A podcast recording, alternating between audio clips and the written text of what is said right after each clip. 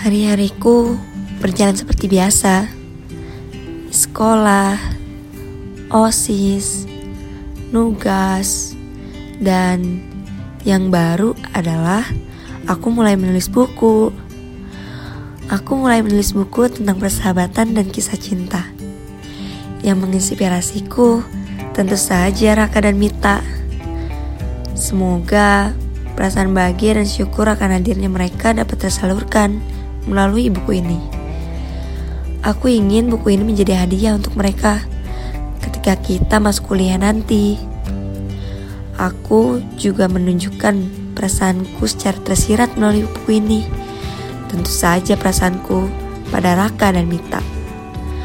Aku berharap suatu saat Raka akan sadar. Tapi di sisi lain, aku juga malu. ah, aku berharap yang terbaik saja lah. Kala itu, aku menyambut pagi dengan bahagia. Rasanya aku merindukan Raka. Ingin sesegera mungkin untuk berangkat sekolah. Kangen ngobrol-ngobrol, ketawa bareng, kerja bareng, main bareng, sampai pulang bareng. Aku berusaha senormal mungkin seperti teman lainnya ketika sama Raka. Aku masih ingin menikmati perasaan ini supaya bisa terus berada di sisi Raka tanpa perlu khawatir akan hubungan kita.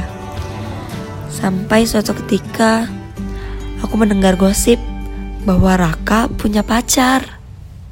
Sontak aku langsung bertanya pada Raka karena kebetulan kita mau siap-siap rapat OSIS juga. Rak, kamu jadian? Tanyaku.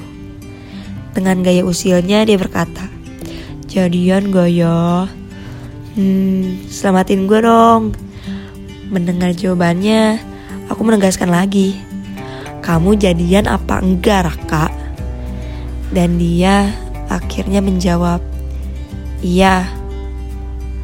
Rasanya sakit. Namun, Raka ada di hadapanku. Aku harus menahannya sebentar lagi setelah mengucapkan selamat kepada Raka. Wih, selamat ya Rak. aku, aku nggak tahu saat itu harus pergi ke mana. Pokoknya pergi dulu dari hadapan Raka. Akhirnya aku memutuskan untuk pergi ke perpustakaan yang untungnya tutupnya masih sejaman lagi. Aku duduk dan termenung, masih tidak percaya. Namun, mata tetap sulit untuk berbohong. Air mataku mengalir begitu saja. Ternyata ini ya rasanya mencintai seseorang dalam diam.